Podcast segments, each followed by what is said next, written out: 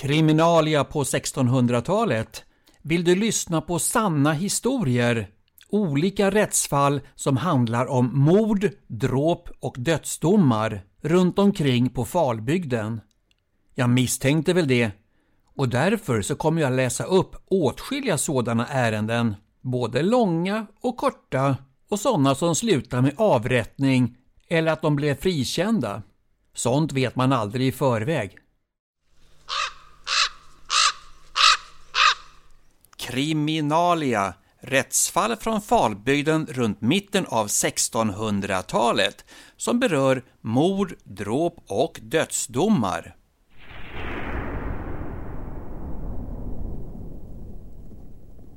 Dråpet på den 12-åriga pojken Per Nilsson nådde Vartofta häradsrätt våren 1636.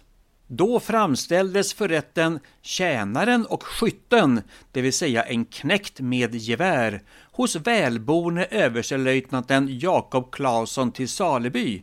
Och denna tjänare och skytte hette Anders Jonsson och bodde också i Saleby vilken nu strax före jul kom i olycka med den 12-åriga pojken Per Nilsson.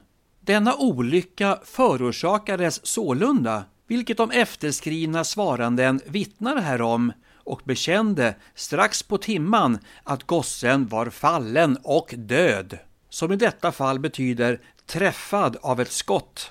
Detta blev granneligen ransakat av lagläsaren och folket i gården som var i stugan när gossen blev skjuten.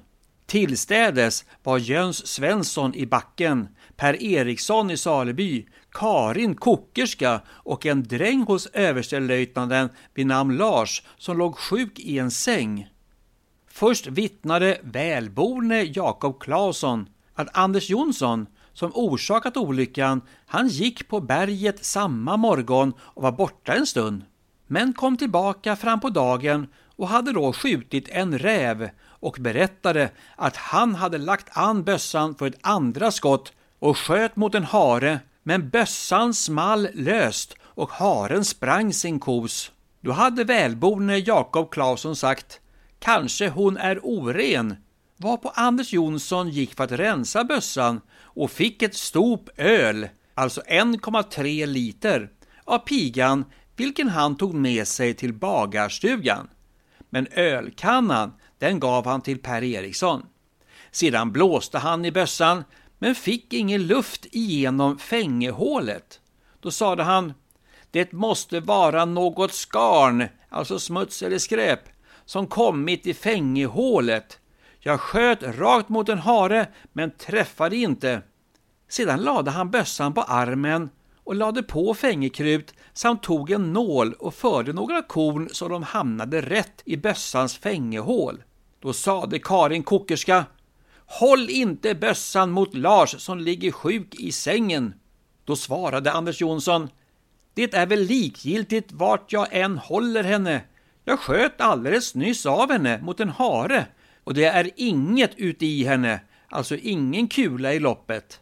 Därefter lyfte han bössan när gossen stod vid spisen och slog henne lös, alltså avfyrade bössan, så fängekrutet brann och gjorde en liten puff då lodet, alltså kulan, gick ut och träffade pojken så han strax föll ner och var död. Efter detta talade han aldrig ett ord, för han stod mitt framför bössan Dock orkade inte lodet gå ut genom kroppen utan hade näst intill träffat hjärtat. Att olyckan tilldragit sig på detta sätt vittnade alla närvarande med ed här på tinget och samtliga ville vara hans edsmän att det inte var hans vilja eller vetskap att lodet var i bössan. Han är en gammal from och enfaldig man som ingen har hört göra något ont mot någon människa eftersom gossens fader, Nils, i middagsmärket inte kan säga emot utan har givit Anders Jonsson vänskap och förlåtelse så sköts samma mål till häradsnämnden att skärskåda om detta dråp hade skett med vilja eller av våda.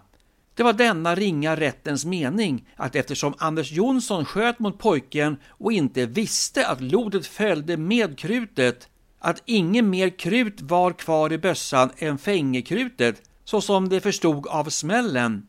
Därför kunde de inte döma gärningen som något annat än vådadråp och böter efter det tredje kapitlet om dråpmål och vådabot.